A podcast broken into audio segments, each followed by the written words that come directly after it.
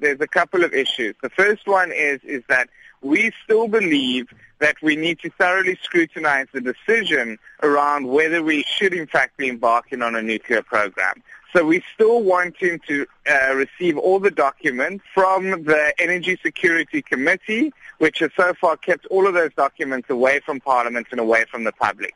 The second issue is that if we do take the decision to then embark on such a nuclear program, we want that program to follow a competitive bidding procurement process where all of the vendor countries are given an equal shot at bidding for that program. Die politieke konsultant Nel Maree ego grylin se sentimente, maar hy meen daar moet in gedagte gehou word dat die kernkragprogram reeds aan 'n openbare debat onderwerp is. Die feit van die saak is dat Suid-Afrika besig is met 'n totale hersiening van sy energiebeleid, dit weet almal. En in hierdie verband is daar reeds geruime tyd 'n besluit geneem dat dat kernkrag nie 'n groot nie, maar wel 'n wesenlike deel van 'n toekomstige energieprogram sal wees. Die dilemma dink ek in die in die openbare oog en burgerlike gemeenskap is of hierdie proses deursigtig en en legitiem gaan wees. Volgens Maree is daar wel geldige besware oor onderhandelinge net met Rusland. Wel die een besware is is, is sekerlik dat ons sal baie mooi wil verstaan oor hoekom die russe die die voorkeurverskaffer is. Um, ons het met die wapentransaksie een baie duur les geleer en dit is dat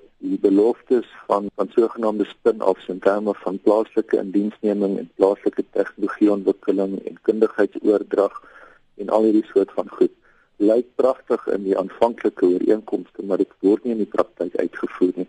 Die ander kant gaan oor presies hoe goed is die russe in terme van internasionale kernkrag ontwikkeling en projekte. Buite die grense van Rusland het hulle eintlik nog bitter min sulke projekte aangepak. So die vraag is of daar nie van die ander lande is wat miskien met groter erns opgeneem moet word. En dit sluit in die Franse, die Amerikaners, die Suid-Koreane, die Chinese en die Smit. 'n Buitengewone professor aan die Universiteit van Pretoria en voorheen ambassadeur in Moskou, Gerrit Olivier, betwyfel die regering se onderneming om ook met ander partye oor die saak te vergader. Onlangs was hy in Moskou en hy het waarskynlik uh, ook daaroor gepraat en uh, die verkeerde persverklaringe of die verkeerde verklaringe wat sogenaamd uitgereik is uh, wat daarop dui dat uh, daar miskien te ver gegaan is met hierdie onderhandelinge agter die skerms en dat dit baie vrae laat ontstaan het wat nou die saak baie sterk op die voorgrond geplaas het. Dit was professor Gerrit Olivier.